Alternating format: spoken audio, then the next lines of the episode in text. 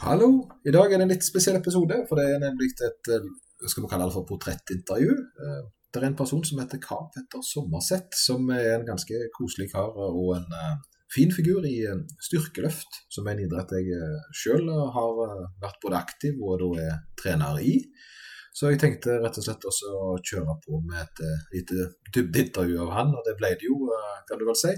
Um, greit å nevne at uh, Karl Petter er på landslaget i styrkeløft. Det kommer vel ikke fram før i slutten av uh, eh, podkasten, for vi har så mye annet spennende å snakke om. Uh, jeg anbefaler å følge han på, på Instagram. Uh, det er da Sterke-Petter, rett og slett.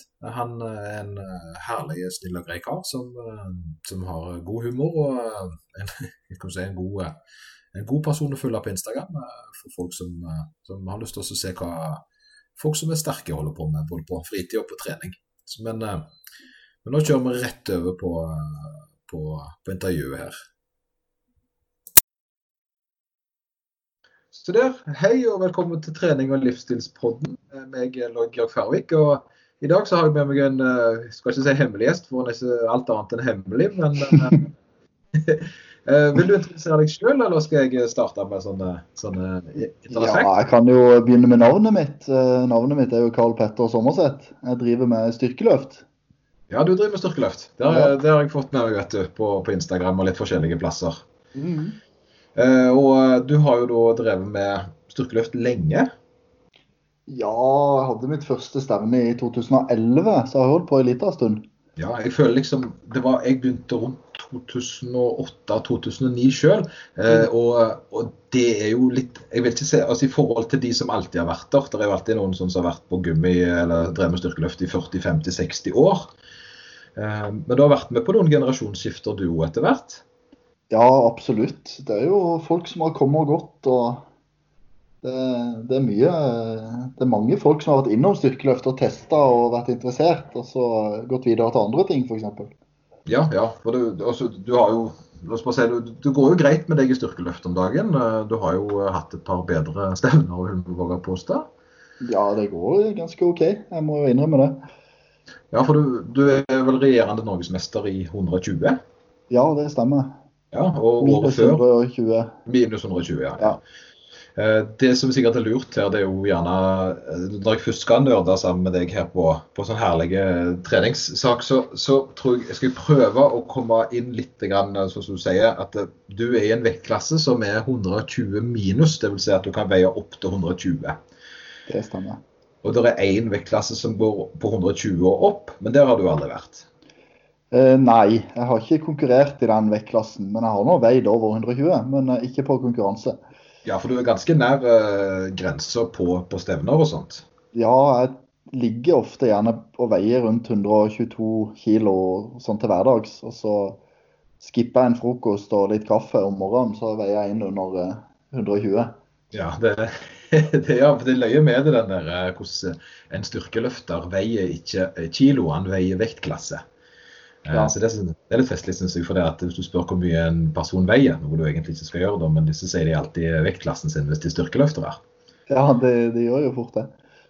Så du har jo hatt noen gode løft. Du må jo nesten få, eh, få, få, få lov å nevne noen av løftene dine. Eh, hva, hva er rekordene dine i de forskjellige? Nå må jeg faktisk tenke meg litt om, så ikke jeg sier feil. I knebøy så skal vi si om jeg tenker 305,5 er vel det beste jeg har løfta uten utstyr i knebøy på ja, konkurranse. Det er, det, det er norgesrekord? Ja, det er norgesrekord. Ja, det er ganske Det er sånn akkurat passe, er det ikke det? Det er jo greit. Sånn internasjonalt så er det jo akkurat sånn passe. I Norge er det jo veldig bra. Ja, for det, det er vel ingen andre som har gjort bedre enn deg i Norge før? hvis jeg ikke tar. Nei, ikke, ikke i min vektklasse så er det ikke det. Nei, nei. Og i benkpress så uh, har du vel hatt et par løft i benken før? Ja, løfta litt benk. Uh, skal vi se, der har jeg løfta uh, 216,5 kilo i konkurranse. Ja, for, for det, det, som gjerne folk ikke vet, er at um, de fleste styrkeløftere sier nærmest 2,5 kilo i styrkeløft. Uh, nei, altså i um, hvor mye de har løfta. Mens du, du er jo oppe på, på oddetall, og det er jo en grunn til det. Ja, det er jo norgesrekord den benkpressen nå, da. Ja, den, ja, sant. Den ferskeste rekorden min det er den benkpressen. da. Ja, Og den smaker ganske godt, gjør den ikke det? Jo, altså jeg er jo egentlig en markløfter, skulle jeg til å si. Men så har jeg endelig klart å ta litt innpå i benkpress, og det er jo veldig gøy. Ja, eh, I marken den har du Hvordan, eh, hvordan går det der? Eh, jo, jeg har jo løfta greit der òg. 352,5. Ja, 352,5. Det, Ja. det er akkurat- passe? Det er akkurat passe. jeg vil jo gjerne ha mer, da. Eh, Ja, det er faen Mye vil ha mer sånn mer, er det vel et uttrykk som heter. Men eh, det, altså, kiloene de, de kommer jo ikke gratis. Så det krever jo mye jobb da for å legge på eh, 2,5 kilo på ett av løftene. Ja, det, det er det gjerne ikke folk eh, skjønner helt. det, At det, ikke bare skal du bli sterkere, men du skal òg treffe teknisk og ha den rette dagen. Ja, det er mange variabler. Jeg jo, pleier jo å si det at jeg er den sterkeste i konkurranse ofte. Eh, Jeg er god på å prestere når jeg skal. Jeg løfter gjerne ikke alltid tyngst på trening. Hvis du ser på Instagram-videoene mine og på YouTube og det der, så er det ikke alltid at hvis du sammenligner med andre løftere her i landet, at jeg løfter mest eh, på trening. Men Ja. eh, på konkurranse så treffer jeg ofte bra på formen, og eh, jeg liker å prestere under press. Så Ja, er, er det noe som du alltid har hatt? ja, men jeg har jo blitt bedre på det etter hvert. Jeg har jo øvd mye. Eh, Men jeg liker veldig godt eh, å få litt press på meg. Jeg legger gjerne litt ekstra press på meg sjøl når det nærmer seg stevne. Ja, for du tenker det at altså, for deg, Det er ikke på selve konkurransedagen eh, det, prosessen starter. Det starter nok eh, mentalt en del før, vil jeg, vil jeg Ja, det starter lenge før. Eh, Jeg prøver jo å utsette på en måte selve konkurransedagtankegangen eh, så lenge som mulig. For det at eh, det er ikke vits i å bruke for mye energi på å bli nervøs. Eh, Jeg blir, veldig, blir veldig nervøs når jeg skal prestere. Så, men eh, jeg visualiserer mye. Og da, da ser jeg veldig ofte for meg hvordan jeg gjør løftene. og gjerne ser for meg et antall kilo som jeg skal løfte greit. Ja, Du har allerede hatt det løftet du på en måte skal gjennomføre en del ganger på, eh, på, på i, i- altså i hodet. Mange ganger. Mange, mange ganger.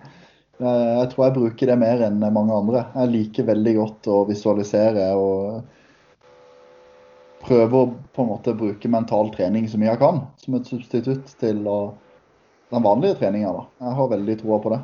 Ja, jeg, jeg, var jo en person som um, var veldig du si, rastløs. eh, skulle bli så fort sterk. og Derfor så hadde jeg så, så ekstremt behov for å klare å bli så mye bedre på konkurranser. Så jeg hadde egentlig en ganske dårlig start på karrieren sånn sett. Jeg, eh, jeg ville for fort fram og hadde for store hopp. og um, det ble veldig mye bom, eh, bom ut for meg pga. ambisjonsnivået gjerne ikke stemte helt overens med, med det faktiske eh, greiene. Men Det var ikke før jeg på en måte begynte å bremse litt opp, og så uh, la det gå naturlig at det ble lagt litt mer stein på stein på stein. Ja, det, det er et godt poeng. Det er viktig, det. altså. Og på en måte Å bli skikkelig sterk, det tar fryktelig lang tid. Eh, Så kommer det litt sånn i rykk og napp for mange. Ja, ja for det du, sant, Når du har på en måte norgesrekorden i f.eks. benkpress eh, så, sant, og Det er jo en øvelse som jeg eh, vet du, nå, nå tenker jeg, Hvis vi skal snakke litt om det, så tror jeg det er veldig mange som skrur opp volumet her nå. For nå skal de lukte til seg, no, lukte til seg noen eh, hemmelige dirty tricks. Men, men faktum er vel Jeg vil anta at eh, Nå bare gjetter jeg, men at du trener ganske hyppig eh, benkpress. Ja. Eh, og mye volum. eh, og, og, og du perser gjerne litt og litt og litt over mange, mange, mange år? Eller har det vært noe, noe du kan dele som er en hemmelighet? Ja, det, du er inne på noe der, altså. Det, det tar lang tid. Det tar veldig lang tid. Eh, Jeg er veldig for det å trene på en måte minst mulig og fremdeles ha fremgang. Eh, Det skulle jeg ønske at noen fortalte meg tidligere i min løftekarriere. At tren så eh, lite som mulig, altså så få dager i uka som mulig. Eh, og ikke brenne ut, opp alt kruttet. Altså tren Altså Når du du da stagnerer, når det da på en måte er vanskelig å kommer forbi din forrige pers, så må du begynne å kanskje justere opp på treningsintensiteten eller på treningsvolumet, eller på frekvensen. En av de. Ja. Kjempe, kjempebra. Det, det, det, er nok det, sånn, det er egentlig litt av min hoved sånn jeg tenker når jeg lager treningsprogram til folk. Og det er litt frustrerende, tror jeg. Det er at jeg ønsker jo det at eh, folk skal ha framgang på minst mulig trening. Ja. Eh, at, og med, med, det at de trener da innenfor selvfølgelig så og så mange kilo rammer. Og det å, og ikke blir helt ødelagte av altfor tunge vekter og altfor mye volum. Um, for det at en, en Der var du inne altså. på noe, nå avbryter jeg beklager. Ja, men det er litt ivrig. Du er ja. veldig viktig der. Hvis du skal bli skikkelig sterk, så må du ha kontinuitet i treninga di over tid. Og kontinuitet i treninga di over tid, det klarer du ikke å ha hvis du blir skada. Helt sant. Da får du et avbrudd, og da blir det den der kanin og, og det der skilpadda skulle som raser om hvem som skal klare å komme fortest mulig rundt banen. Og den ene kaninen legger seg for å sove, for han er så Ja, alle har hørt den historien der. Men, eh, men og det, det, det, er litt vanskelig å selge til en ny utøver, føler jeg. Eh, så, altså det å si du, du, skal trene lettere nå, eh, og så skal du helst ikke være oppe på maksene dine på ganske lang tid. Men vi skal ha masse volum på vekter så du egentlig føler litt lette, og du skal helst ikke være kjempesliten etter hver trening. Er det noe du syns er lett å selge, du, eller? Altså mange, og da uh, altså, Nå skal jeg ikke generalisere for mye, men uh, spesielt jenter, da. Uh, de liker jo å trene og pushe seg litt mer. og mange jeg har trent i starten, når de får programmet, så ser de på programmet og så sier de, ikke bare jenter, da, gutter, så sier de at oi, dette så veldig lett ut. Ja, det, det, det, er en klassiker. Jeg kjenner ja, godt igjen. Så sier jeg eh, at ja, det, det, kan se litt lett ut. Men nå er du ny som styrkeløfter. Jeg vil gjerne at du prøver programmet. For det er ganske stort totalvolum. Så etter ei uke eller to så vil du kjenne at du er nok ganske sliten uansett. Det, og så pleier jeg å si litt sånn altså når du er nybegynner, så er det ikke så farlig om en trener akkurat de vektene som står i programmet. Eh, det kommer an på hvor sterke de er i utgangspunktet, men de får gjerne et slingringsmonn av meg på et, ja, 2,5-5 kilo som de kan få lov å legge på eller ta av. Eh, hvis ja, de føler seg sterke en dag. Du er såpass raus, altså? Jeg, eh, ja, men de får ikke lov å spinne noe mer enn det. Nei, altså 2,5-5 kilo er veldig mye for noen som tar 40 kilo i benkpress. Jeg er helt enig. for jeg, jeg, jeg pleier å si at... Men uh, hvis du da løfter 150 i benkpress, så er ikke 2,5 kilo så fryktelig mye. å legge Nei, på. Så er det, så er det, det er helt sant. Jeg pleier å si eh, at du må fylle programmet, ellers får du aids. Så jeg er litt mer på uh, Men jeg, men jeg ja. tror nok gjerne du er inne på noe som gir Spesielt uh, en person som løfter 40 i benkpress. Det, et program skal gjerne ha deg opp 2,5 kilo. Uh, gjerne 5 kilo. Og en person som løfter 40, det er 5 kilos økning. Det er 5% økning, det. Det er vanvittig mye. Og det er stort siden du har hatt 5% økning i en øvelse, vil jeg tippe? Ja, det skjer vel eh, så å si aldri for meg. det, det, er det folk gjerne ikke skjønner, at det, er, det, er, litt i begge ender her. En grad. Det er lettere for deg gjerne å øke. Jeg prøver å tenke nå, ikke det 5 kilo på 40 kilo mer enn 5 Jo, det er vel 10 eh, Men ja. 2,5% kilo på er 5% og det mener ja. at Hvis du skal stige fra 40 til 42,5, så er det 5% stigning.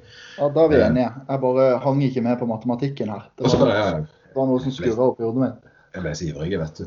Nei, ja, det er fort gjort. Men, men, for deg, sant, hvis du skulle hatt 5% stigning på, på marken f.eks., så snakker vi jo nærmere 20 kilo. Ja, så, så det, det, er noe med det at det, det er noe lurt gjerne, som du sier, å gi folk en litt annen uh, mulighet i starten. Spesielt når de er litt nye på det. Mm.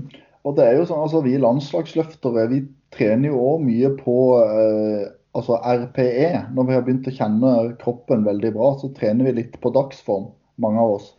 Ja, ja jeg har forstått, forstått det. at dere har, dere, har uh, dere får et treningsprogram, og så får dere eh, forslag, mer eller mindre. Er det ikke sånn? Jo, vi får et forslag på Altså vi har et For ei økt så har vi et visst antall reps eh, som vi skal gjennom på et visst antall sett. F.eks. fem reps på fem sett. Det er arbeidsvektene, da. Så har vi oppvarming og sånt utenom. Men de fem repsene på fem settene, så får vi en skala da på hvor tungt det skal være. Hvor mange reps du har i reserve. Ja, det er da altså, altså Både RIR og RP er gjerne noe vi skal, kan utdype litt på. Uh, eh, RP er en skala som måles vanskelighetsgraden opp til 10, der 10 er et bom eller 10 er maks. Litt usikker mm. på. 10 er uh, absolutt maks av det du klarer. Ja, stemmer. Så da kan du si at hvis du skal ha en, uh, en, en på 9, så er den ganske nært opp mot, da, men du Da er han ganske nærme. Da er det veldig tungt. Ja, men hvis du da har en på RIR 2 f.eks., så skal du da finne en vekt som du har to reps i reserve på, eh, rett og slett. Så og dette det kan jo være veldig vanskelig hvis ikke en har trent en god stund og vite og kjenne kroppen sin godt nok til å vurdere det. Jeg tror gjerne det er veldig stort ansvar å gi til en ny løfter, men for deg som har holdt på såpass lenge, så tror jeg nok gjerne det er en fordel for meg er det nok en fordel. For da hvis jeg har en god dag, så legger jeg på det jeg trenger for å treffe den uh, RIR-en, da, eller RIR-en, som de sier. Reps i reserve. Uh, ja. Hvis jeg har en dårlig dag, så er det enkelt å ta av litt vekter. Så treffer jeg den uansett. For da ja, det, det er jo mentalt jeg akkurat så tungt som jeg skal. Uh, men du må huske det at mine programmer de blir satt opp av landslagssjefen Lars Samnøy. Eh, og meg og han har en veldig tett dialog, eh, og han er utrolig dyktig i ja. jobben han gjør. Eh, ja. Altså, Du kan, kan, ikke forvente å få den oppfølginga i starten. Nei, nei altså Lars Sandøy er jo et eller Av en regionstrener eller av altså Lars han har fulltidsjobb han som landslagstrener. Så. Hans jobb er å trene deg, faktisk. Det er litt kult. Ja, det er ganske kult. Eh, så, så, Lars har jeg jo truffet et par ganger. Han er jo et uh, litt unikum av et vesen. da, um, og det, det, er litt sånn Nå føler jeg og til må sitte og ha med meg ordbok. For det at det, jeg, jeg er litt sånn, uh, litt sånn relevant utdannelse, men, men, når han begynner å snakke, så føler jeg at jeg har liksom sovna og våkna i to klasser opp på universitetet. Og så, det, og så sitter det reklamen med han som sovner, og så ble, går plutselig matten ble litt avanserte. Ja, stemmer. Så han, han, er jo litt sånn han er jo som, som, sånn som figur, han. Egentlig så skulle han jo vært bakerst i, i, Hva heter det Grand Prix eh, eh, Reodor Felgen. Han er jo egentlig en karakter derifra. Ja, det vet jeg ikke. Han har enormt mye kunnskap. Eh, og han er god til å formidle det hvis han spør. Ja, han er veldig god. Veldig god. Du får Men, eh, han, har, eh, han kan utrolig mye faguttrykk og uh, sånne ting. Så for meg Altså, han må uh, justere litt ned i forhold til mitt kunnskapsnivå når han skal forklare. Fordi at jeg kan mye om trening, jeg kan, men jeg, jeg, har ingen interesse for avanserte fremmedord eller uh, sånn voldsomme bitte små muskler eller sånne ting. Det, gidder rett og slett ikke å bruke energi på. Ja, for, for han, han, er jo på en måte litt den der uh, altså han Mr. Q i James Bond som kommer med disse utstyrene og alt det greiene der, og så skal James Bond ut og, på, på, mission. Det er jo litt, litt sånn han er, føler jeg. Han kan mye. Det er ja, han kan mye. kult. Og hvis jeg spør, så får jeg svar. Veld, Senest i dag så spurte han uh, uh, Jeg snakker jo med han nesten hver dag i periode. Så spurte han om han kunne kan du være så snill å gjøre programmet litt, mer, eh, litt enklere å lese på telefon? Ja. Fordi at jeg har fått en ny type program eh, som, eh, som, jeg bruker nå. Eh, og jeg logger, logger, det på telefonen. Og da, er det eh, da sier han ja, ja, gi meg noen minutter, så fikser han.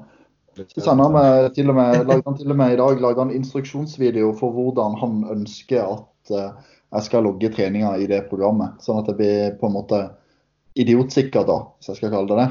Ja, det er veldig, veldig han har jo, jeg, jeg, har jo sett noen av programmene hans, og det er jo, så det er jo eh, det, han, han, lager jo vei, Det er jo han som på en måte trør det, denne veien her. og det er klart at det er ikke, Hvis du ikke har gjort det før, så er det jo ikke lett å forstå helt hvordan han ønsker å ha det.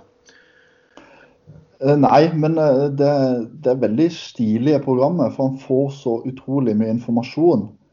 Eh, så når han eh, logger dette inn hos seg, så sitter han på en utrolig database over de forskjellige løfterne over hva som fungerer, hva som ikke fungerer. eh, det, altså alt av stats som du kan justere på mellom himmel og jord, sitter jo han med informasjon om.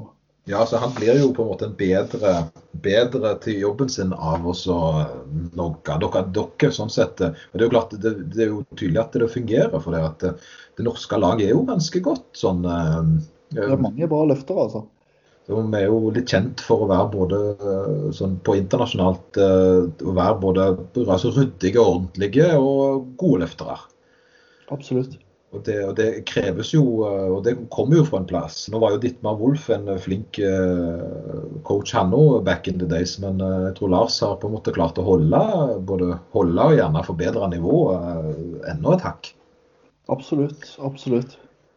Men, men når Dittmar skal jo ha mye av ditt Dittmar skal jo ha mye av æren for å ha oppretta et system i Norge eh, for utdanning av eh, klubbtrenere, regionstrenere eh, og landslagstrenere. ja, Så han det, på en måte gjorde en sinnssyk jobb med etablering i Norges styrkeløftforbund og profesjonaliserte det veldig. Det er helt sant. for det, det, det er mange kanskje ikke ja. for det, som, som idrett så er jo ikke styrkeløft så stort i Norge, men det er jo ganske stort eh, internasjonalt. Ja, det er ganske populært. Det, og det Eh, blir bare større og større. Så det er utrolig gøy. Både i Ja. Norge og internasjonalt blir det mer og mer og mer populært.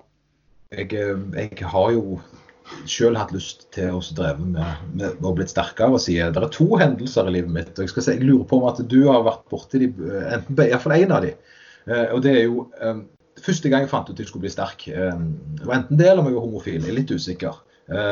Det, det viser seg jo ikke stemme. Men jeg, jeg fant en kassett med Commando.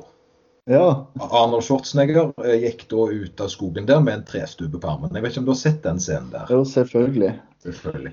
Det var der jeg skjønte at jeg skulle begynne å trene. Eh, Da Mm. kan jeg ha vært fem-seks år gammel. Jeg vet ikke hvorfor jeg så den filmen da, men eh, noe skjedde i meg, for å si det sånn. Mm. Uh, og, det, og så litt senere så fikk jeg gleden av å treffe en person som jeg tror du har eh, kjennskap til, som heter Torkel Ravndal. Ja, stemmer. Det er jo en uh, skikkelig legende. Ja, eh, Har du truffet Torkel Ravndal nå? Nei, og det er jeg fryktelig lei meg for. Jeg skulle gjerne ønske Jeg husker svakt uh, et show da jeg var liten, uh, som var i Lyngdal, der jeg kom ifra, på 17. Ja. mai. Da var han all, Hva het han for noe? Han der Samson. Samstemmig. Det var en- Ja, ja, dette var vel en av kompanjongene Ja, til han hadde sånn fakir og bøye hesteskoshow i Lyngdal. Men eh, Ja. dessverre så var ikke Torkel med. Jeg er nok litt for ung. Ja, du er fire år yngre enn meg. eh, Jeg har fått med 35. Mm. Skal skal jeg fortelle litt om historien, eh, Torkel? Veldig Ja, gjerne. Ja, for det at jeg, eh, han traff Han var, skulle, hadde jo show da på Åkra, der jeg kom fra, på Karmøy nå. Um, og, og da skulle han selvfølgelig Og da var jeg, jeg gikk vel i femte klasse på den tida der, og jeg hadde brukken, uh, brukket hånda, så jeg bare hadde gips. Uh, og, og skulle inn til dette showet hans og kjøpte selvfølgelig godteri, um, som seg hører bør, og så satte vi ned og så skulle følge med. Og da, han, og da var han begynt å bli litt gammel. Uh, han var ikke helt på topp ennå, men tingen med Torkel Ravndal var det at han var han er litt sånn som norsk Arnold Schwarzenegger. Det er et eller annet som var bare hei, var, han, var, han var så magnetisk. Eh, Ja, utrolig showman. som figur som du bare ble eh, altså du måtte, Uansett om du likte han eller ikke, du var nødt til å vite hva han skulle gjøre nå. Eh, og, og ting er det at eh, Han gjorde jo sitt show og smalt en uh, spiker gjennom en tofirt plank og litt forskjellig. Eh, han var ikke i form til å løfte den bilen med ryggen eh, akkurat den dagen der pga. Ja, litt ryggvondt. Men, men han klarte å peke på meg og så si at eh, hvis du har lyst til å bli sterk, så er ikke det veien. Og så pekte han på godteriet mitt. Fantastisk. Så jeg, eh, så jeg kjente jo at jeg tok det Jeg var jo i en alder der du ble gjerne veldig ja, så, altså, veldig følsom, da. Eh, Mm. Men så retter han seg opp igjen med å fortelle hvordan jeg kunne begynne. Og tingen er det at akkurat dette husker jeg ikke helt om jeg har drømt eller om stemmer. Men han, for du, du skulle lære deg å knuse planker plank og sånn, så, det, så kunne du begynne på toalettlokket hjemme. Og, og, det gjorde, og det gjorde jeg. Ja. Så. Så jeg knakk toalettlokket over eh, da for å vise hvor sterk jeg var. Eh, Fantastisk. Så det var ikke en helt eh, Så det var, det var merkelig nok lite populært og lite imponert uh, foreldre, da. Men uh, det er klart dette her sådde en del frø i meg, og han var jo en eh, En av øvelsene han var best i, var jo markløft. Ja, veldig god. Veldig, der, veldig god.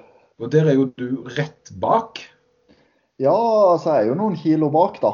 Eh, Jeg må jo innrømme det. Det hadde vært gøy å, å slått tallene hans sine en eller annen gang. Ja, for det, det, det er noe du som på en måte har, du, du har lagt opp som mål, eller eh, altså at du, du jeg, jeg vil jo nevne det. Jeg syns jo at sånn som når Torkel Ravndal løfta mark, så var det vel litt andre stenger og litt andre regler. Um, så, Ja, Så- det var det. så det var vel litt andre faktorer som gjerne sto eh, inn til at det skulle gå. Jeg, eh, uten at vi skal, skal vel ikke spekulere på det, men han har en litt sånn urettferdig fordel i forhold til deg. Ja, Han løfta med det han hadde på den tida. Ja, det er sant. det er sant. Så det, det var ikke sånn tilgang på all verdens med kalibrerte skiver og nyeste Leico og eh, flotte eh, ja, flott utstyr. Det var det langt imellom. Ja, ja det, det er sant. Han, han, at han ble såpass sterk på det han hadde tilgjengelig, det er jo litt imponerende. Er utrolig. Eh, Hjemmetrening, da, for det at du tenker litt på utstyr og sånn som det. Driver du på med å legge ut sånn eh, kroppsvektstrening på Instagram, eller eh, har du funnet en løsning? Jeg har trent mye kroppsveksttrening og løfta steiner og hoppa rundt og kost meg i en måneds tid etter denne karantene. Eller Ja. etter at treningssentrene stengte. Ja. ja for det er totalt det er stengt for idrettsutøvere òg. Ja, ja, alt er stengt. Til og med Olympiatoppen. Jeg var og trente opp på Olympiatoppen den dagen alt skulle stenge. Så skjønte jeg at nå er det bare å eh, nyte den siste økta, for nå blir det lenge til jeg kommer opp her igjen. Ja, ja så, rart egentlig. Hele greia er jo ganske spesielt. Uh, uten at vi skal gå for langt inn på hva vi syns om det, for det er jo et tema som de fleste har hørt og syns nok om. Uh, Men, men du har fått hjemme, du har fått litt treningsanlegg du har fått litt utstyr hjemme etter hvert. og det Spørsmålet mitt er jo hvordan fikk du tak i det? Ja, altså jeg eh, Hvis du hadde kjent meg som person, så ville du skjønt at jeg er ganske ressurssterk. Jeg er god til å ordne, jeg er god til å fikse. Jeg er god til å snakke med folk. eh, Ja, god til å lete fram ting. Så Ja, jeg, Jeg prøvde jo først de vanlige sidene som Finn og som eh, Rogue og de forskjellige. Så skjønte jeg det at eh, her blir det vanskelig å her blir det vanskelig å få tak i noe. For jeg hadde egentlig tenkt at jeg skulle ikke få tak i noe. ja, ja Skulle klare meg, skulle klare meg med det jeg hadde. Men så skjønte jeg det at OK, dette her blir langvarig. Ja, Eh, det, Så jeg, hvis jeg skal holde styrken min, og hvis jeg skal være med og konkurrere på VM senere i år eller neste år, så eh, må jeg faktisk få tak i stang og noe skive og litt utstyr for å kunne hevde meg. ja, ja, for det, altså, de, fleste andre altså ut, andre land har jo ikke så Eller noen har jo, men det er ganske mange land som ikke har de restriksjonene vi har. Sverige f.eks. har jo mer eller mindre fritt. Eh, Jeg trener jo noen fra Sverige, og de trener jo eh, som aldri før, de, skulle ikke til si. Så det er klart eh, Det er jo Det er en veldig stor forskjell. Men Sverige er en av de få landene i verden som har det så fritt. Ja, det er sant. det er sant. Så, eh, den diskusjonen tror jeg ikke vi skal ta opp. Nei, den, den tar vi ikke. Men, men, men, men mer i forhold til at det var godt du fikk utstyr, da, så du fikk trent og holdt, eh, holdt tritt. Ja, jeg er veldig fornøyd med det. Jeg har tenkt på noen ganger om jeg skulle få tak i Altså, jeg bor i en liten leilighet i Oslo, så jeg har veldig begrensa med plass. Men så, så, som styrkeløfter, trenger du så mye annet enn et eh, knebøy og benkpresstativ? Nei, men altså, jeg vurderte en stund om jeg skulle sette det opp i stua mi, for det at eh, jeg hadde egentlig ikke plass noe sted. Og så løp jeg rundt med tommestokken både i stua og på balkongen, og, og innså det at uh, i stua blir det trangt uh, å leve hvis jeg skal ha utstyret her. På balkongen måtte jeg kvitte meg med grillen, og det er uaktuelt. Det går ikke. det går Så ikke. var jeg nede og målte opp boden da, og innså det at her kan det faktisk bli plass hvis jeg kvitter meg med alt skrotet mitt. Ja, Så da, da ble det rett og slett å bare rydde boden og investere i utstyr. ja det var For det, det er noe med det. Jeg, jeg tror jo det at det kommer til å være en del av det nye. Eh, Jeg har jo sjøl fått litt eh, vet ikke om du har sett, men jeg har fått noen sånn tre, treverks knebøy som fungerer ganske bra. For jeg har ikke fått tak i utstyr. Eller det vil si, jeg har på bestilling, da, men eh, får det vel om, i slutten av mai-juni. Kommer mitt. Jeg har anbefalt mange å bygge seg sånne trestativ. Det var uaktuelt for meg, fordi jeg er veldig usikker på om det hadde holdt hvis jeg skulle kjøre på med litt tunge løft. Ja, jeg tror nok det er lurere også, for at du, så, for meg som skal ha, ha 100 kg, så er det klart at det, det, det, det tåler det. Men uh, du, vil, du, vil, ikke ha en, en såpass stor risk nede i boden, altså. Jeg har ikke lyst til det. Jeg ville ha et ordentlig stativ, enten et powerrack eller et kombirekk. kombirack. Og så ville jeg helst at ikke jeg skulle Altså et vanlig ER-rekk koster jo fort 35 000 kroner.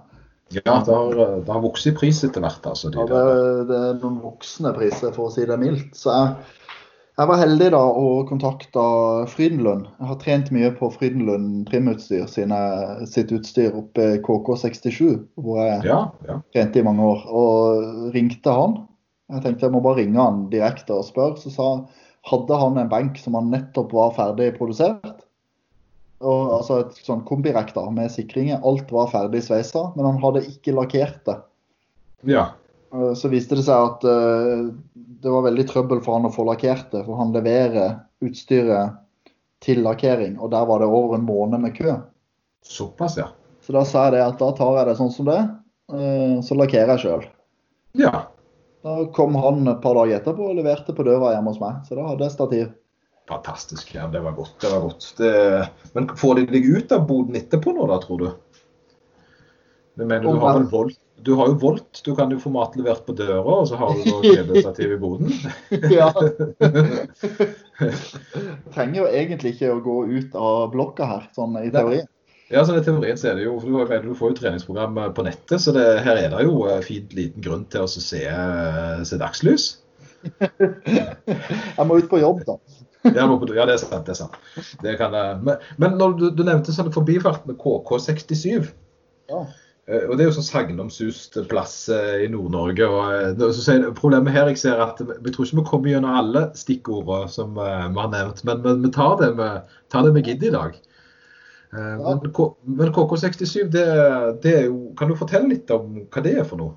Ja, først så må jeg bare korrigere deg litt, ellers blir alle i Nord-Norge sure.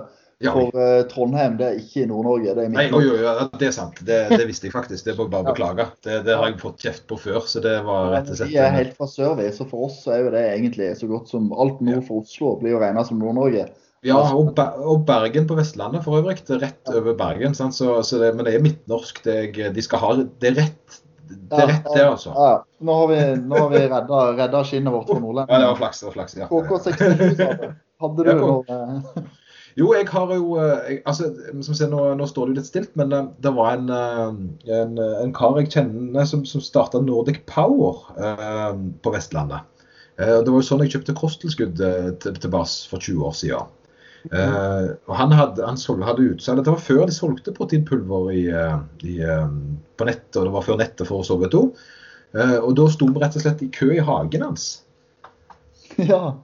ja satt og, og gikk inn og så åpna det opp, og så fikk vi lov til å kjøpe forskjellig. Og da pekte han ut hva vi fikk lov å kjøpe. Uh, mm. for det at, uh, Alt etter hvor gamle vi var og sånt forskjellig. Jeg tror, ingenting av det var ulovlig, altså. Det var bare det at det var noe som inneholdt koffein og sånt. Men vi, ja. vi var jo på jakt etter. Men han nå, nå står det, Hadde jeg bare husket hva han heter, for han mener jeg er en av grunnleggerne av KK67.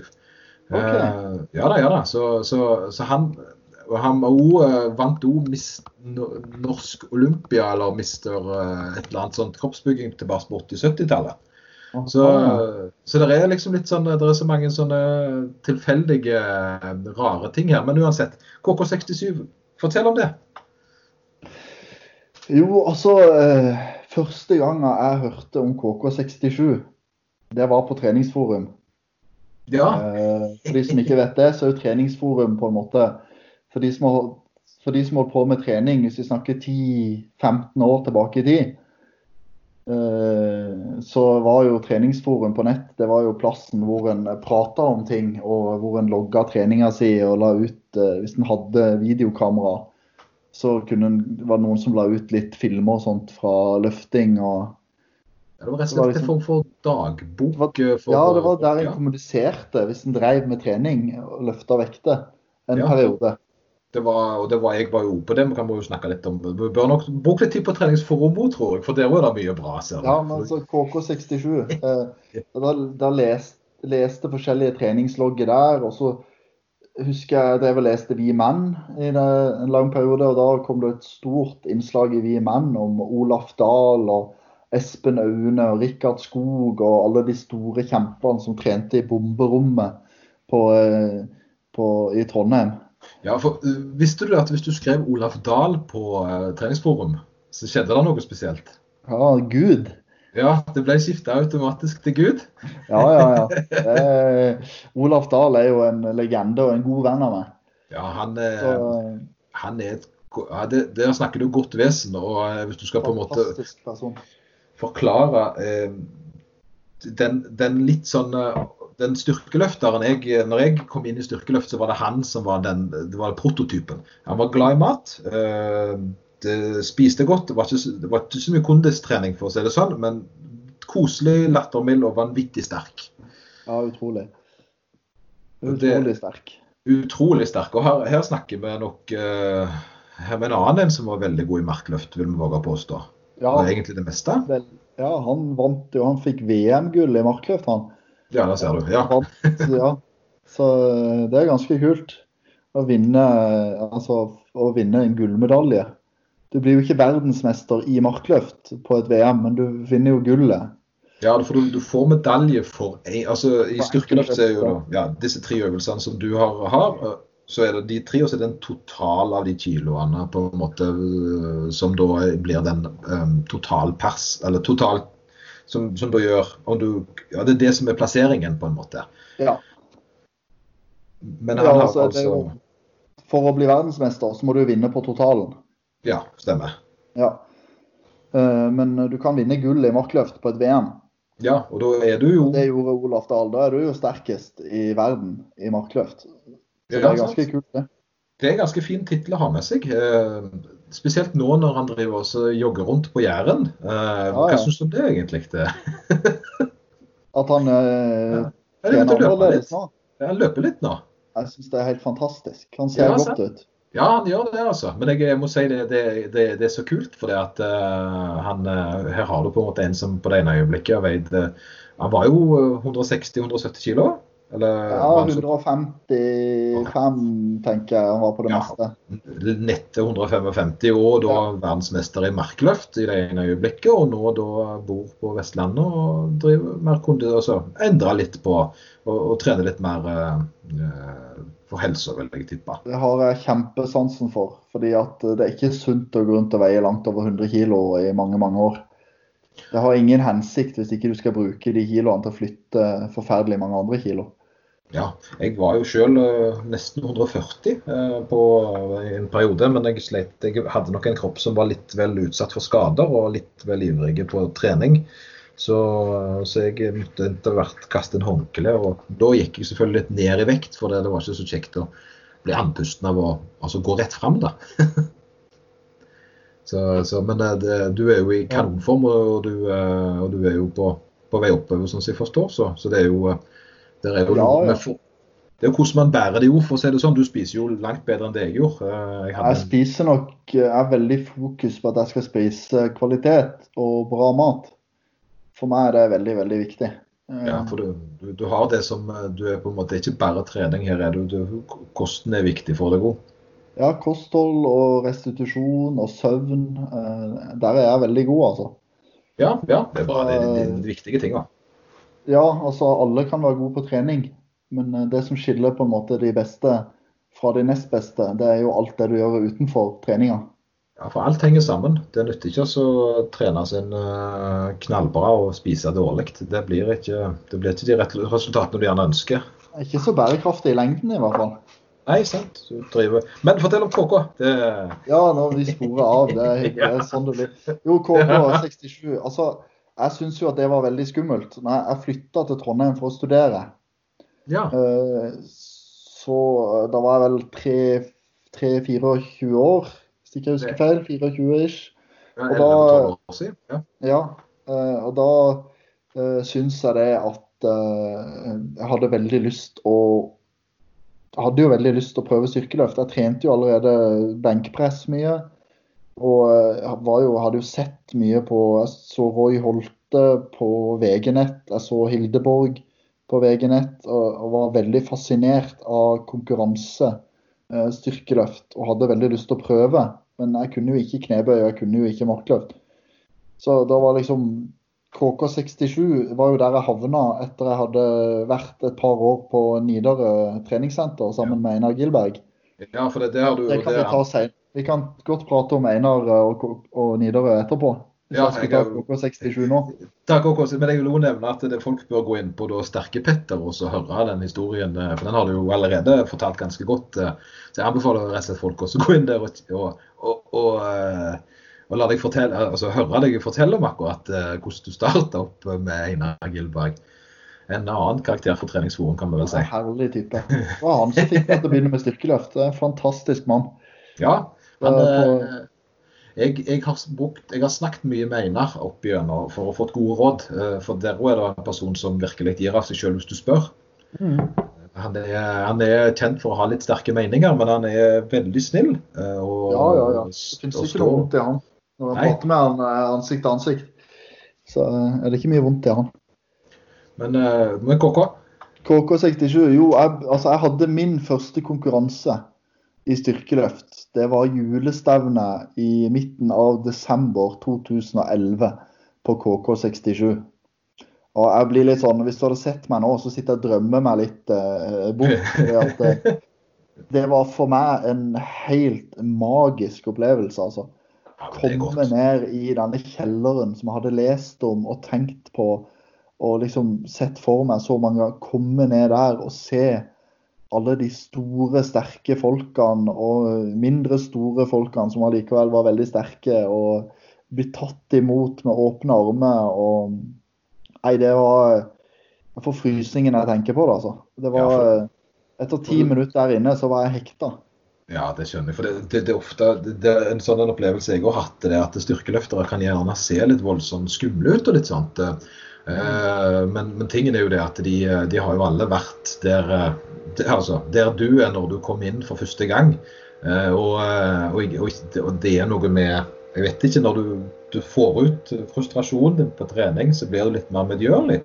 Så, eh, så det er litt overraskende og veldig fint når sånne personer som Olaf Dahl kommer og er så koselige. Eh, mot det inntrykket du gjerne har dannet deg sjøl. Ja, det er utrolig fint, altså. Det, altså I styrkeløft er det veldig, veldig mange hyggelige folk. Og eh, ofte så er det sånn at jo lengre de holder på, og jo sterkere de er, jo triveligere er de. Ja, det, Det, det, det er ganske utrolig. det, det, det, det som alltid har overraska meg, det er en liten avsporing, men eh, altså det er så mange det, Jeg vet ikke hvor, hva i annen idrett der du har folk som f.eks. Marte Elverum. Som da er sant, jeg vet ikke om Hun er, altså, hun har nå vunnet en del mesterskap opp gjennom hun for å si det sånn. Og eh, har nå vært en profil i styrkeløft aldri så lenge. Men hun, det, hun hjelper jo. Hun stiller opp og Hun hjelper er helt unikum, altså. Hun. Hun Jeg har, eh, kjenner Marte veldig godt. Vi ble veldig gode venner eh, når jeg bodde i Trondheim.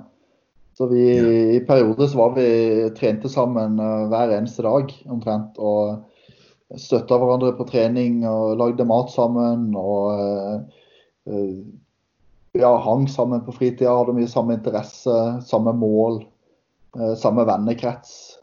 Ja. Så det, jeg, jeg velger å si det at jeg tror aldri jeg hadde ei eneste dårlig treningsøkt sammen med Marte.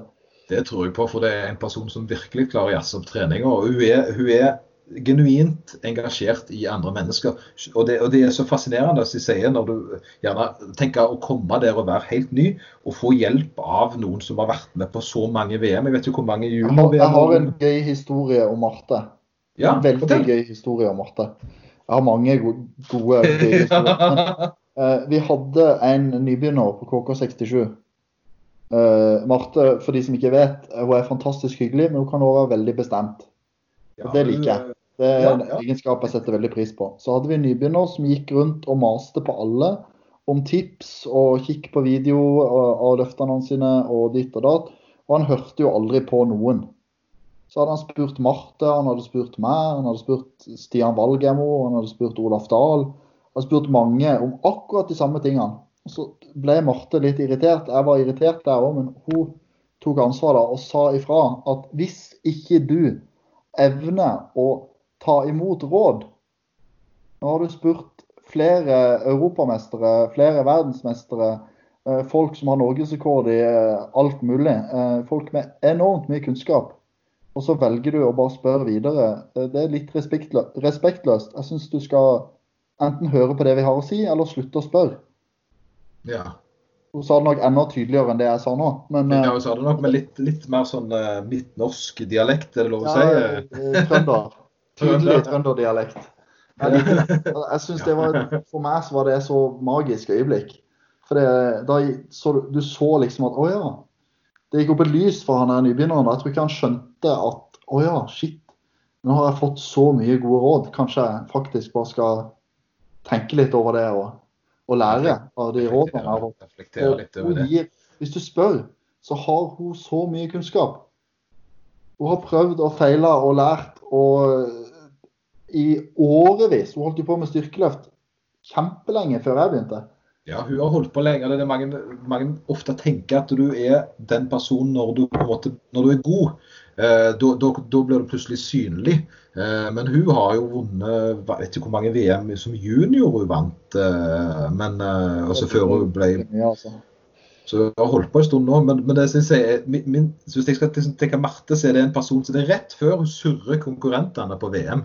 Eh, mellom sine egne løft. Det er rett Hun er før. helt utrolig. Helt utrolig. Og hun har hjulpet meg på mange konkurranser. Det, hun hjalp meg å vinne mitt uh, første NM-gull. Det var ganske stort. Uh, uten henne så jeg, jeg, jeg, tror jeg faktisk ikke jeg hadde klart det, det første, første NM-gullet jeg vant. Uh, vi la en plan før konkurransen og holdt oss til den planen. og Holdt Ja. i mål. Ja, hun er Det taktisk, hun. altså. Ja, hun vet, hun vet hva hun holder på med. Det sant. Mm. Så, så, så dette er jo da det er litt sånn sånne folk du gjerne møter på KK, der du eh, gjerne har på en måte satt et lite Du har tenkt deg om hva du tror folk er, og så viser de seg å være sånne mennesker som dette. da. Altså, Mar ja, hun, hun er trent, ja, nei, trent jeg jobba lang periode, ikke så fryktelig langt ifra der Marte bor, eller bodde. Eh, Der hun hadde huset og hjemmegymmet sitt. Og Da fikk jeg streng beskjed om at hvis jeg hadde tid til å trene mens jeg var på jobb, så var det bare å finne seg til rette. Det var bare å gå og trene i gymmet hos sitt. Ingen problem, så mye jeg orka. Å, så koselig. Ja, det ser du. Jeg har vært mye på låven til Marte og trent alene.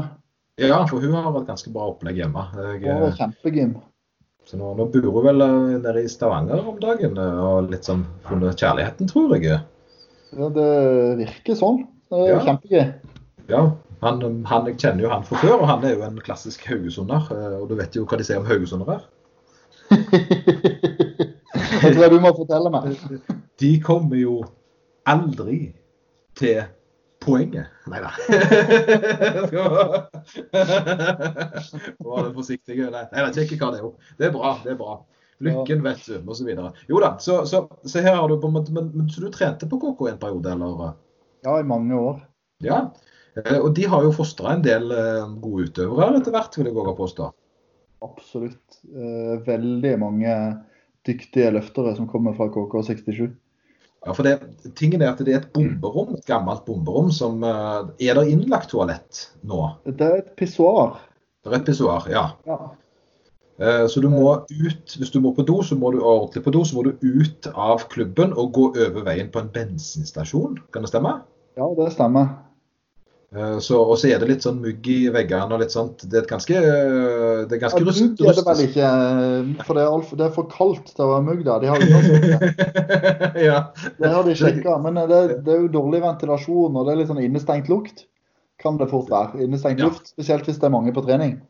Ja, så det, det, det, altså det, er på en måte det du kan, eh, kan se for deg. Litt sånn røft, eh, kult. Jeg kan jo skjønne at folk kan forelske seg i det. Det var jo det jeg forelska meg i når jeg begynte å, å drive det treningssenteret jeg gjorde eh, back in the days. Jeg Jeg, prater jo, prater jo med mange, altså flere av de som var med å starte KK67. De trente jo der fremdeles når Ja. jeg var der og trente. Flere av de gamle veteranene. Eh, De var der og trente, så du traff de gjerne i døra av og til. Eh, Og de kunne fortelle meg det at eh, i 1969 så starta de i de lokalene som klubben er i nå. ja. Og det har ikke forandra seg så fryktelig mye siden 1969. Nei, nei det ser du. Altså, det er litt nyere og flottere utstyr etter hvert. og sånn, Men veggene er de samme, gulvene er de samme, takene er de samme. Eh, så det, det, er veldig mye sjel i de lokalene der, altså. Ja, for det, det, som jeg husker, jeg eh, trente jo altså, eh, på Bjørns gym, og det, jeg veide jo det for så vidt senere òg, men, men, det var jo Stavanger styrkeløftklubb. Og der innerst i lokalet der så var det jo på en måte en sånn tøffere areal der, der styrkeløfterne gikk, da. Men, men samme typen der òg. Koselige folk som når du ble kjent med dem, og at du på en måte fikk vekk den her inntrykket du satt med sjøl. Mm.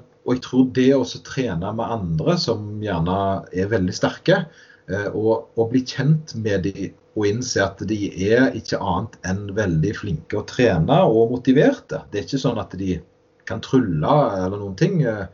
Det tror jeg gjør noe med at du òg får en sånn utvikling som du gjerne ikke hadde fått hvis du um, ikke hadde fått muligheten til å trene med andre. da.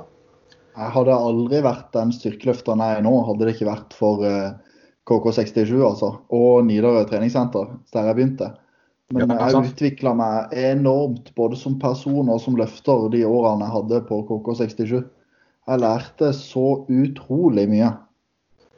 For, for jeg, jeg, tror det gjerne må snakke om å løfte tungt og sånt. og jeg husker jo noen av, Nå er jo jeg på en måte way past my prime, sånn sett, men jeg husker den reisen jeg hadde når jeg begynte å bli sterk. og Det å på en måte, det å presse seg og vil innse at det bodde så mye mer i deg. Samtidig så var det noe med disse rutinene og ritualene du hadde som gjorde deg trygg og god som person. Mm. Eh, jeg tror det er, det er, noe som gjerne er litt sånn vanskelig å oversette. Men det det handler om, tror jeg, er at eh, jeg ble en langt mer eh, tålmodig person for alle andre. For jeg begynte å sette pris på hvor mye arbeid folk som er gode i noe, altså rett og slett har brukt på, den, på det. da. Mm. Eh, så, så det, det, kommer ikke gratis til deg? Eh, Nei, absolutt ikke. Det gjør ikke det. Uansett hvor talentfull du er i noe, så må du for å bli skikkelig god jobbe mye. Du må det, altså. Ja. Du, men du bor i Oslo nå, eh, og der er det jo altså, så du, Og det, det er fordi du er barnevernspedagog. Jobber du som det? Ja, jeg jobber som barnevernspedagog i Kirkens Bymisjon. Ja, der ser du. sant? Mm. Hvis ikke folk hadde satt på en måte en liten sånn en, Nå tenker jeg de fikk litt sånn whiplash, de fleste som hører på. det, det, det, det, akkurat, det er jo det vi har snakket om, er det ikke det? Det er koselige folk. Det er koselige folk. Jeg jobber mest altså, med barn under tolv år for det meste. Ok, ja. Uh, ja jeg, jeg, kan ikke gå så mye detalj på nei, jobben min, men jeg jobber nei, med, med, barn som, uh, som uh, gjerne har hatt det litt tøft i, i oppveksten sin. Jeg skjønner, men det, det kan jeg. Som barnevernspedagog, det holder, det. Du, mm. Så når jeg eh, begynte, så var det jo noen andre som uh, starta. Og det var jo uh, rett etter jeg kom i gang, så var det jo en, en viss person som heter Bo Bergan. Jeg vet ikke om du har hørt om han? Hun oh, ja, en god kompis, det. Ja. Er, er, er, det Bo som Er det han som har skylda for tights-treninga uh, tights på Østlandet? Tights, hvit singlet og Grorudpalme, er det det du tenker på? Ja, for det, han, eh, for det, det begynte jo en trend på Østlandet med, med tights um, etter, ca. når Bo Bergan uh, entra scenen, for å si det sånn. Og så lurer jeg litt på kroppen til Bo, så hadde jeg gått i tights hver eneste dag. Det hadde jeg òg. Altså så jeg skjønner det, men han starta jo en trend som varer den dag i dag, føler jeg. Jeg vet ikke om, altså, nå skal Bo O for øvrig kjempebra mann. Eh, alle er jo kjempebra, vi skal jo ikke gjøre uvenner med noen her. Men, eh, men akkurat det med tightsen, jeg vet ikke helt om jeg tilgir han for den, altså. Jeg er sånn vagt minner en sånn amerikansk tights han hadde på seg en eller annen gang for mange år siden. Og den har jeg sett på som Jeg vet ikke, ja, han, han har mye kule, mye kule outfits. Eh, så det, det, jeg syns det, det, er gøy. Jeg liker ja, det, som tør å være litt annerledes. Helt sant, kjempegøy. Der har du en fyr som stiller opp for andre, da, for øvrig. Han stiller opp. Han har hjulpet meg utrolig masse med gymmet her. Ja. Han er jo håndverker, uh, egentlig. Ja. selvfølgelig. selvfølgelig. Så jeg, jeg, har, jeg, er jo ikke så veldig handy på alt. Så jeg spurte, har spurt han om tips og triks til hvordan jeg skulle bygge gym og sånt. Eh, og han har kommet med flere gode tips. Så spurte jeg liksom Så spur, eh, spurte han om tips til hvilket materiale jeg skulle bygge markløftklosser av. Ja. Ja, så kom han med noen tips og eh, sånn. Så sa han eh, om han bare skulle svippe innom og hente det på veien fra jobb en dag, så kunne han bare levere det hos meg. ja så det, ja, det, han han bare tilbydde seg ut av det blå. liksom, Ja, jeg fikser det. Det er jo ikke noe stress for meg. Jeg har jo bil og alt. Han vet at jeg ikke har bil. Så hvis du bare skriver til meg hva du skal ha, så svipper jeg innom og plukker det opp, og så lemper det av hos deg. En dag det passer for begge. Der sier du, vet du. Det, ja, det, det, det, det, det, det er blitt liksom litt sånn det, det, Fantastisk fyr, altså. det del Det var en del folk i, når jeg gifta meg, så var det ganske mange eh, i publikum som enten var styrkeløftere eller da drev med en eller annen form for trening nært relatert til det. Og det, det tror jeg nok er fordi at du blir, du blir godt kjent med folk når du driver og trene sammen på den måten. da. Absolutt. så det er nok en del andre aspekter med nettopp det med styrkeløft enn bare det å bli sterk, når du egentlig når du runder litt, eh, runder litt om på det. Ja, altså, Eh. Mange styrkeløftere bruker utrolig mye tid på trening uh, for å bli ferdig med øktene sine. og Da blir det jo ofte mellom sett og sånn tid til en del uh, humor og tørrprat og skrøne og bli godt kjent. da. Ja, for hvor, le hvor lenge trener du per økt? Det varierer eh, fra periode til periode, men det er sjelden at jeg rekker ei solid økt på under to timer. Ja, minst to timer. For det, da er det jo innlagt litt eh, pratepause, da, men, eh, men eh, Ja, jeg er nok en av de som prater minst. såpass, ja. ja. Men du har en del mengde Ja, treningen? altså jeg prater, men jeg, jeg stopper praten når jeg skal kjøre, kjøre økta mi, eller settet mitt. Jeg, jeg står ikke og prater og utsetter Jeg er på jobb når jeg er på trening. Ja, sånn, ja. Selvfølgelig. selvfølgelig. Hvordan, men eh, eh, hvor mange dager i uka trener du? Bare sånn, eh? Eh, Det varierer òg fra periode til periode, men sjelden under fire. Det skjer egentlig aldri at jeg trener færre enn fire dager, og ikke så ofte noe særlig mer enn seks. Men så hender det at jeg deler opp øktene hvis jeg har veldig mye trening. Så trener f.eks. ei morgenøkt og ei kveldsøkt. Sånn at øktene blir litt kortere, men da blir det jo igjen til gjengjeld flere økter, da. Ja, for det, det er gjerne verdt å nevne som det, sånn en time inn i at du er jo på landslaget. det er sånn, Ja, det er sånn, det, det er sånn herlig. Du, det jeg lurte litt på, det var en annen ting. Eh, Det er vel én som ikke liker deg så godt. En kjempekar. Nei, han liker deg, han òg, det er jeg ganske sikker på. Men, eh, men eh, Grizzly, eh, han kjenner du til? Eh, Martin, ja. Ja, ja, ja. ja. Hvorfor skulle ikke han like meg? Nei, for han, har jo, eh, han er jo en formidabel løfter. eh. Fantastisk mann. Kjempefyr. Ja, også, men han har jo eh, vært bak deg på da, plass nummer to på 3NM eller noe sånt. Ja, han har Ja. vel det. I hvert fall eller andre- eller tredjeplass. Men jo- vi trener jo sammen eh, veldig ofte. Han trener jo på klubben min. Ja, han, han har vært skikkelig driven nå siste året, og det er så kult. Han gikk jo ned fra å være eh, 100, over 160 kilo mann til å veie 119. Han var jo nede Ja. og lukta på 105 en stund. ja, men Så det det er jo var klart at det tar, eh, tar en stund å stabilisere seg på den kroppsvekta. det, Eh, det, Når han er vant med og Han var jo blant de absolutt sterkeste i Norge på 160 kilo kroppsvekt. Og nå er ja, han blant de absolutt sterkeste i Norge på 120 kg kroppsvekt. ganske imponerende. Så han var vel han, han har boplassert seg ganske bra i benkpress, mener jeg, på, på VM. Ja, Ja. jeg husker ikke hvilke plasseringer han har uh, fått uh, i Du tenker når han var uh, plussløfter, altså når han var Ja, storløfter? da, da, ja stemmer. Han var pluss. Ja, Ja, Jeg jeg, jo, han har vel fått noen medaljer, tror jeg. ja, Jeg husker det, ikke akkurat hvilke. Men uh, Ja. altså, han jeg, jeg, jeg må fortelle eh, altså, noe av det råeste løftet jeg har sett eh, noen gang. Det var når det var eh, VM i Stavanger. ja, stemmer. Dette har jeg hørt om. Eh, ja, eh, eh, og da var vi bak på oppvarminga. Jeg fikk snike meg med bak fordi at jeg kjente Marte og Stian og alle de som løfta. Så jeg sneik meg bak for å, for å være med og se på og gjerne få trent litt òg etter løftinga. Så jeg var med og trente litt. og så jeg at Martin drev og varma opp i benk, og så ble det bare mer og mer og mer og mer vekter på stanga. Lars Sandøy løfta av, jeg sto rett ved siden av. Jeg lurer på om jeg kanskje til og med spotta det løftet. Plutselig så var det 260 kilo på stanga. Det, ja, det jeg hørt. Det, jeg tror det, det er video av det. Han løfta altså 260 kilo som en pose med smågodt. Ja, helt sinnssykt. Og det var, vel, det var vel mer enn verdensrekord på den tida, vil jeg tro. Det var vel i nærheten, i hvert fall. Ja. Og Den har ikke flytta seg Jo, han har jo flytta seg mye nå de siste par årene. Ja, Men det, er, det er jo et Altså, det er noe av det Jeg har sett mye rå løft, altså. Men eh, å stå der når han som ikke var tatt ut til VM engang, eh, på bakrommet på VM gjør eh, 260 kilo i råbenk ja, det er sant. Det, ingenting. det er Det ganske glemmer jeg aldri. Det var helt rått. Han har jo vært, eh, så jeg også har vært veldig fan av Grizzly alltid. Han var jo litt uheldig med de som altså Han har jo alltid vært vanvittig god, eh, sant? men det var jo samtidig med Karl Yngvar. Så, altså, så han har på en måte mm, Han har vært i de mm, ganske vanskelige vektklassene, eh, sånn Ja, sett. du hadde Karl Yngvar og Hans Magne eh, i samme klassen. Så dessverre så var de enda råere enn Martin, da. Ja, og det var jo også, så å ja, i alle andre ti- tider og epoker så hadde jo Martin vært eh, best, for å si det sånn. Så, så det er jo frustrerende. Men, men jeg har en sånn annen, litt annen historie om han. For jeg traff Ja. han jo på nasjonalt uh, utstyrsfritt. Ja. Uh, og Da sto han jo og spiste kake. Uh, og da, da, da, Det var når han var 160 ca. Ja. Uh, og, og da spiste han altså han hadde sin egen, funnet en egen teknikk på kaka.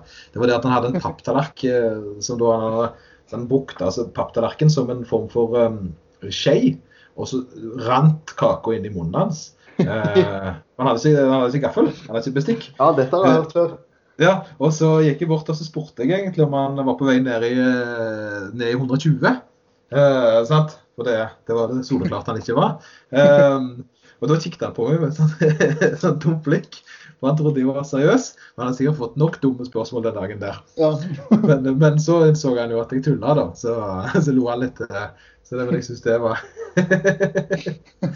ja, fin. Ja, den har jeg hørt om før. Han har fortalt den sjøl òg, akkurat den eh, episoden der. Ja, da ser du. Ja, det er jo helt det. det, er løye. det kan sette seg, altså. Men det var en av de større høydepunktene for meg på det stedet stevnet. der. Og der var det mye som skjedde. Han Det- hadde en veldig fin en eh, Altså Før jeg ble kjent med Martin, når han var kjempestor og sterk, så, Ja. så husker jeg på Jeg lurer på om det var en av mine første NM. Så drev jeg og Nei, det var NM på Storefjell. Uh, og da husker jeg jeg satt og spiste litt etter jeg hadde veid inn. Så satt jeg og spiste en skyr. Jeg syns det var så godt. Så gikk han forbi på vei til å varme opp sjøl, så kikka han bare ned på meg. Og så kikka han på yoghurten, og så sier han Fettfri. Æsj, sier han. Det var de første ordene Martin sa til meg. Det, der ser du, ja. Det, det var, men det var jo en periode der alle skulle være i plussen. Eh, sant? Det var jo, altså, folk spiste jo kakedeig. Det var jo eh, Jeg eh, har jo historier fra KK67 der Olaf Dahl drakk halvannen liter cola. Jeg vet ikke om det stemmer, men eh, altså, mellom settene. Ja, Ja. og det var jo eh, flesketrykk, som vi så fint kalte det da. Der du om å gjøre egentlig bare spise deg opp så mye som mulig. Eh, og så husker jeg jo Jeg var så såra når Bo Bergan valgte å gå ned i vekt. For han var jo i 120. Ja. Og det, så, så da han begynte å kjøre om den trenden med å faktisk se ut som du trente i tillegg, det var jo spotting, vet du. Det var jo, Vestlendingene var jo, de var jo harniske at han skulle begynne å få sixpack og greier. Det var ikke sånn det så ut når du drev med styrkeløft. Det, Det gøye er jo at han gjorde det jo enormt bra. ja, han, var jo, han er jo den dag i dag eh, ekstremt dyktig. Jeg tror han sliter litt med skader eneste, men, eh, men utenom det så er det jo det, Han er jo eh, dyktig. Han kan mye om trening, altså. Ja, det, er han, mye om vannkutt. Og mye, han kan mye om alt, altså. Ja, Jeg har spurt han om vannkutt, faktisk. Det er det. Så hvis du ser jeg spør, spør bruke, Det er lov å spørre styrkeløftere om ting. Det er litt Ja, artig. ja. Spør du, så får du som regel svar. Kan jeg spørre deg om eh, skader? Eh, Jeg forsto det var en stund tilbake igjen at du eh, hadde fått deg en liten, eh, liten smell i ryggen. Kan det stemme? Ja. Eh, det er jo et års tid siden jeg fikk det? VM. Ja, ja. Over VM. VM for eh, Ikke det Ja, VM for over et år siden. Ja. Og da, fikk jeg meg en eh, ganske god smell i ryggen. Og så har det på en måte aldri blitt helt bra. nei.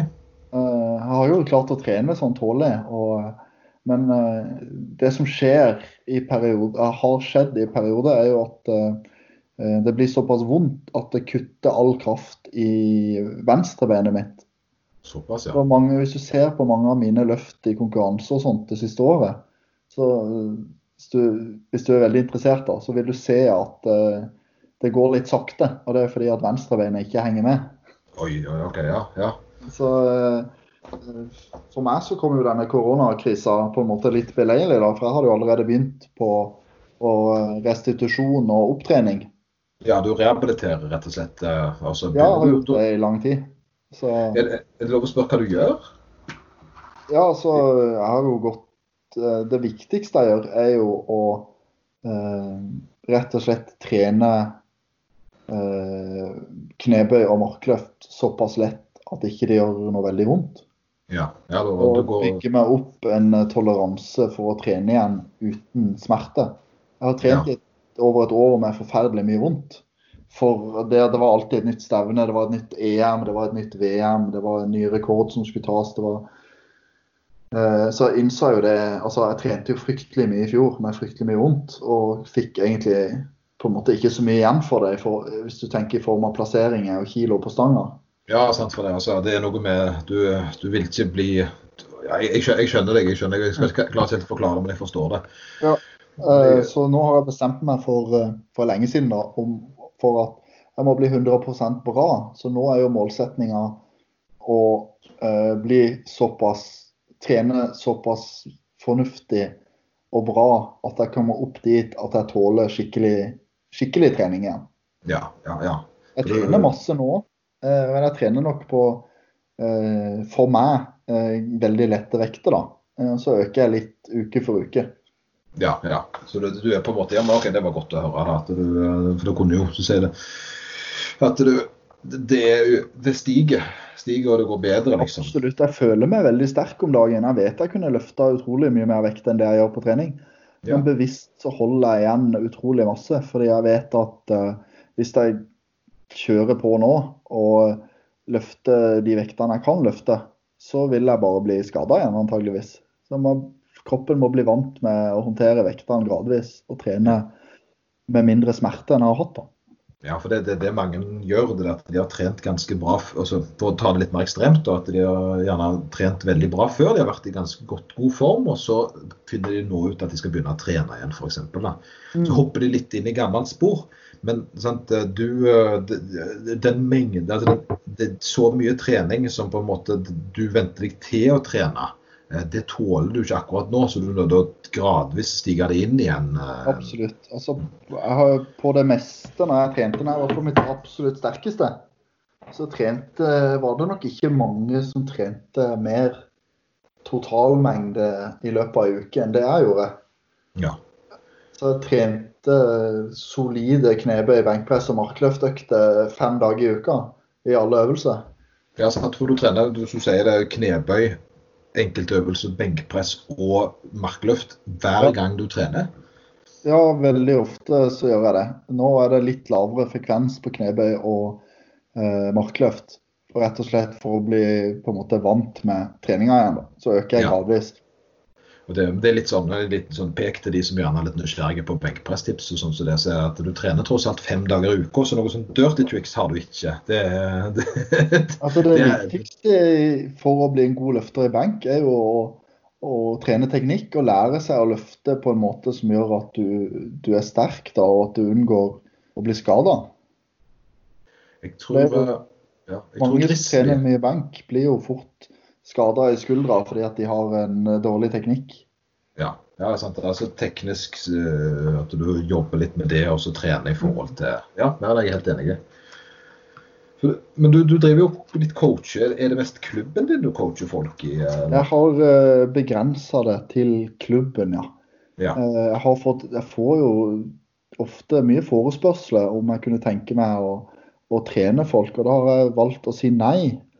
Fordi jeg har vært såpass opptatt med min egen trening og de jeg har trent på klubben, ja. Eh, at uh, jeg har ikke hatt lyst uh, jeg har tre, Alle jeg har trent, har jeg alltid trent gratis. Okay, ja. Ja, det, det, har vært litt sånn prinsippsak for meg. at hvis de er interessert, så skal jeg trene dem, men da skal jeg trene dem gratis. Men da må de gjøre som jeg sier. Ja, ja. Det er jo en, sånn, en av fordelene der. Det var, jeg, Nå lever jo jeg av selve coachinga sjøl og trening og sånn som det, men det er jo, du sier det er jo for deg så blir det jo en tilleggsting som du gjør utenom. og det, Men da blir det jo et par, et par heldige få, vil jeg våge påstå. Ja, har fall, de har i hvert fall vært veldig fornøyd, de jeg har trent. Ja. Det varierer jo fra periode til periode hvor mange jeg trener. og Det er litt etter hva jeg har kapasitet og lyst til. og Vi har jo mange dyktige trenere i klubben. Ja, på, så vi fordeler, fordeler utøvere. Det, for det, I styrkeløftmiljøet så er det jo sånn at eller jeg vil si styrkeløftklubber eh, har jo en uh, ganske kul oppdeling, til tross for at vi er ganske små. og jeg tror jo at Som organisering så er nok styrkeløft ganske høyt på, på, på idrettsgreiene i Norge. Det er jo det at alle klubber har da trenere, utdanna trenere, mm. som da kan trene vanlige utøvere. Og så har du da regionstrenere som da trener regionen, som Sør-Vest-Norge, Østlandet, Midt-Norsk osv. Jeg er jo da en regionstrener. Uh, og så har du da landslagstreneren da, som er både junior da, og som er Jørg Hansen, Jørgen Hansen. Jørgen Hansen, ja. Jørgen Hansen. Og så Lars Samøy, som da er landslagstrener for voksen. da. Uh, så det er jo på en hierarki, et system, og så du kan både, både, som utøver og trener egentlig bli ganske altså Få gode fordeler av. Du, ja, du får altså allerede første ukene i en styrkeløpsklubb, så kan du bli en del av det systemet.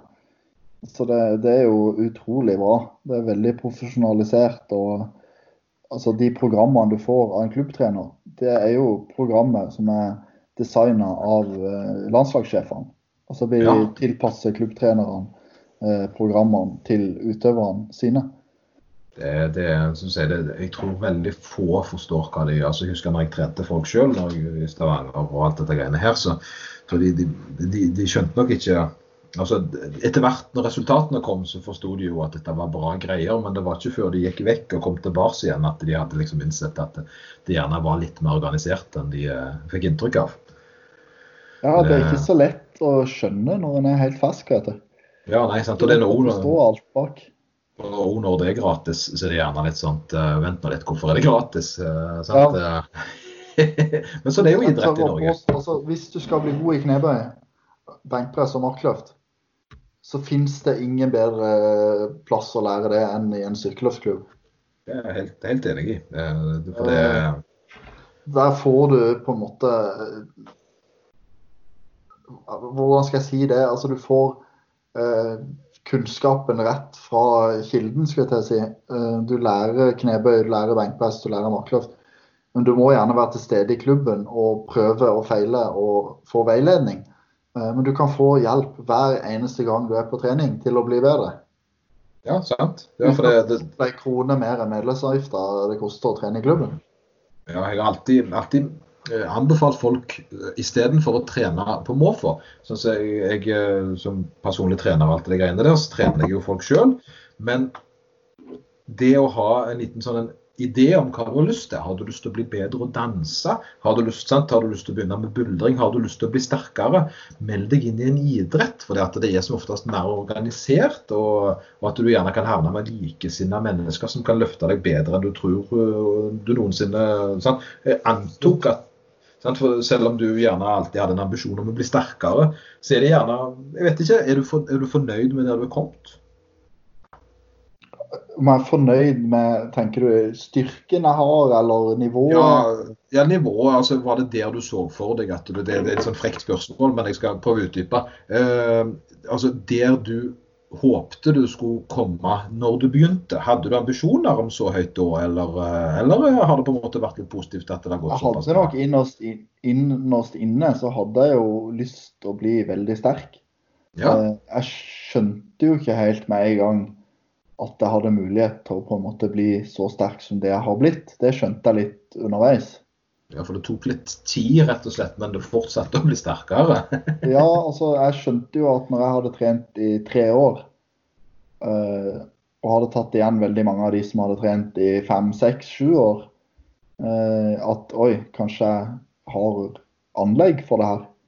Ja, ja, det er noe med det. Eh, At Så du, fortsetter jeg bare å spise meg inn og spise meg inn på flere og flere av de gode løfterne. Så da ble jeg jo veldig motivert da, til å på en måte I begynnelsen så handla det om å slå meg sjøl og mine egne perser, og det gjør det jo fremdeles.